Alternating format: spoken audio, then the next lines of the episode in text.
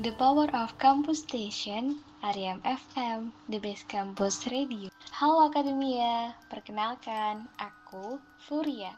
Dan ada aku Israel, akan nemenin Akademia dalam podcast kali ini.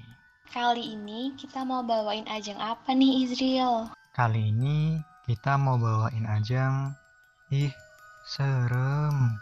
Ih, serem. Ajang apa tuh? Boleh dijelasin dong Israel? Pasti akademia juga penasaran nih. Jadi, Ih serem itu adalah sebuah ajang untuk membahas hal-hal yang berbau horor ataupun mistis nih Furia. Wah, jadi kita mau cerita yang horor-horor ya Israel. Aduh, udah mulai merinding nih. Oh iya, buat akademia yang kepo nih sama cerita lainnya, bisa stay tune dan follow Spotify Ariam FM, Instagram Ariam FM UNES, Twitter Ariam FM Semarang, dan YouTube Ariam FM Semarang.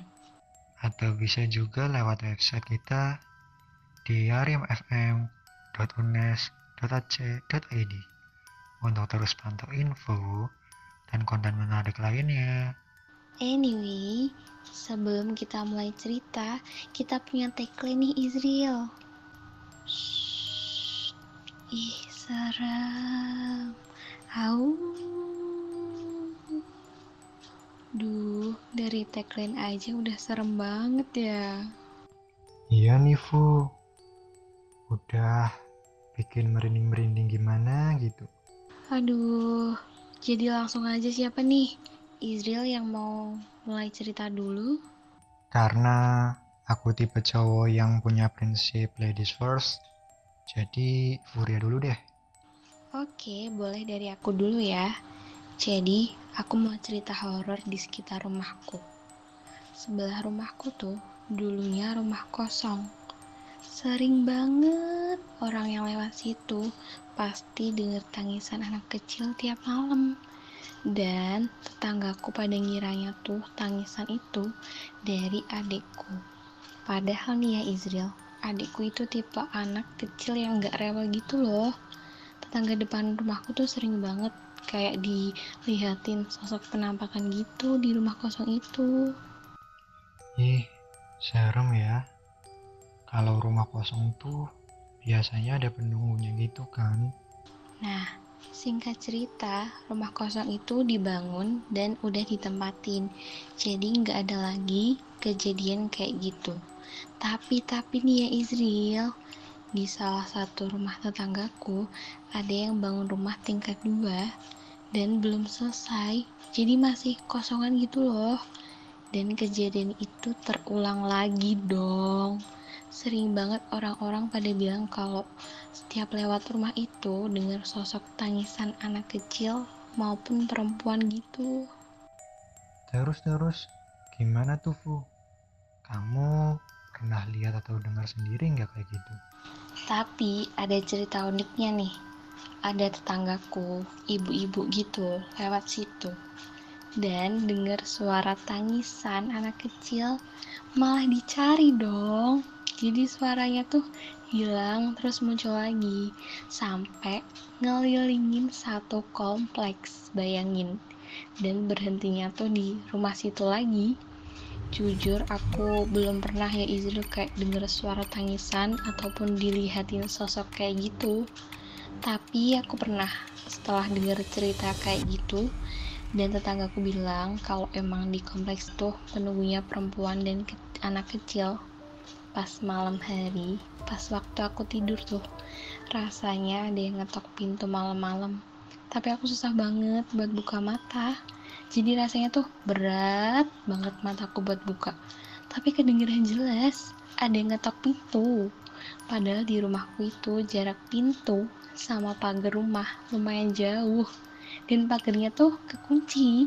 Kan malam hari tuh pas aku udah bisa buka mata aku cek deh tuh dan aku mah dengernya suara orang lagi nyapu halaman padahal itu jam satu malam itu merinding sih buat aku Kalau aku di sana, pasti udah merinding juga sih Fu. asli Habis dari kejadian itu, gak bisa tidur dong. Soalnya mikir terus, siapa sih? Masa tetanggaku nyapu halaman malam-malam? Aku tuh nggak bisa tidur sih itu. Pasti kepikiran terus tuh. Bener banget. Nah, dari Israel ada cerita horor apa nih yang bikin tambah merinding? Aku mungkin bukan tipikal orang yang punya banyak pengalaman horor yang benar-benar menampakkan sosoknya secara jelas kayak kamu juga nih Fu. Tapi aku juga punya pengalaman yang gak kalah serem nih. Wah, gimana tuh Israel? Penasaran nih, ceritain dong. Kejadian ini terjadi ketika aku masih semester 1. Masih nikmatnya kuliah offline ya kan, sebelum pandemi menyerang. Cerita ini bermula ketika aku hendak pulang ke rumah di Purbalingga dari kampus UNES. Perjalanan dari UNES sampai sepanjang jalan Pantura tidak ada masalah berarti selain suasana gelap dan dinginnya malam, serta kendaraan besar yang berlalu lalang. Tetapi ketika keluar dari jalur Pantura, seketika sekujur tubuh tiba-tiba merinding. Kok bisa gitu ya? Kenapa tuh? Suasananya tuh tiba-tiba berubah Fu. Yang sebelumnya masih ada kendaraan lalu lalang, tiba-tiba keluar dari Pantura benar-benar cuma aku seorang. Mungkin juga karena pada waktu itu pun sudah jam 10 atau 11 gitu. Jadi ya aku masih berpikir positif. Mungkin ya udah pada istirahat gitu kan di rumah masing-masing. Sepanjang jalan tuh aku merinding terus nih Fu. Jadi motornya aku gaspol terus sampai aku ketemu sama dua percabangan nih ke kanan atau ke kiri aku yakin banget lewat kanan padahal harusnya tuh lewat kiri jadi tanpa pikir panjang aku gas lewat kanan. Tanpa lihat Google Maps. Tiba-tiba jalan yang semula sepi jadi ramai banget. Kayak lagi ada pengajian gitu. Ada yang pakai bis mini ada yang ngobrol-ngobrol. Pokoknya 180 derajat beda dah dari jalan yang aku lalui tadi. Rame banget. Jadi aku sedikit lebih lega. Tapi setelah itu langsung gelap. Gak ada lampu sama sekali bener-bener gak kelihatan di depan tuh apa kayak jalannya keputus dan untuk kesekian kalinya aku merinding akhirnya aku putar balik dan berhenti di tengah-tengah keramaian itu buat ngecek Google Maps dan ternyata Aku nyasar berkilo-kilo. Seharusnya tadi belok kiri, aku belok kanan. Akhirnya aku beli bensin di keramaian itu. Karena bensinku udah merah. Kan gak lucu ya lagi kayak gini kehabisan bensin di jalan. Entah jadi apa aku nanti. Kayak di film-film gitu ya Israel, ya gak sih? Iya nih, waktu itu juga aku auto keingat tentang desa penari coba. Kan pas itu lagi rame-ramenya tuh. Oh iya iya, tahun 2019 atau 2020 gak sih? Pokoknya itu yang di Twitter itu kan. Nah iya betul tuh. Habis itu aku lanjut perjalanan di jalan yang seharusnya kan. Nah dari tempat itu gak henti-hentinya merinding. Jalan setelah itu benar-benar gelap minim cahaya, melewatin hutan lebat dan di situ cuma ada aku sendiri. Nasib baik aku bawa tas punggung. Takutnya ada yang tiba-tiba bonceng kan, kalau belakangnya kosong. Usut punya usut, ternyata aku baru saja ngelewatin hutan jati, penghubung Pemalang Purbalingga, yang dikenal juga jalur gaib, karena acap kali memakan korban. Bahkan, warga percaya ada kekuatan mistis di jalur tersebut. Mereka sering kali memberi sesajen berupa bunga dan jajanan pasar di jalur tersebut. Pada malam Jumat Kliwon, ketika aku melewati jalur tersebut, seperti ada sosok yang memperhatikan di sepanjang jalan. Nasib baik masih berpihak pada aku. Alhamdulillah, setelah itu sampai di daerah Purbalingga. Cukup tenang karena sudah sampai di kota sendiri. Gak kebayang deh kalau yang ngalamin itu aku bener-bener di keadaan yang gelap dan sendirian. Aduh, Tapi alhamdulillah ya Israel, selamat sampai rumah. Dengar cerita Israel kayak gini, makin tambah merinding aja nih.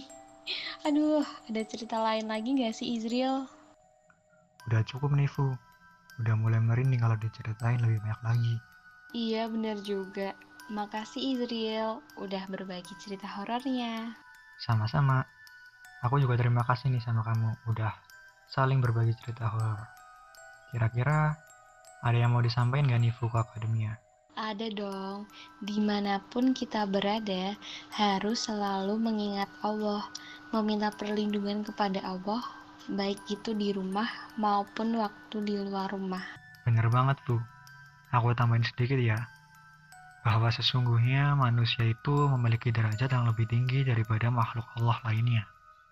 Jadi, kita nggak perlu takut banyak juga ya Israel pelajaran yang bisa kita ambil dari pengalaman horor kita nih. Yap, bener banget.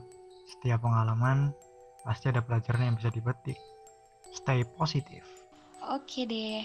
Nah, akademia pasti juga punya pengalaman horor kan?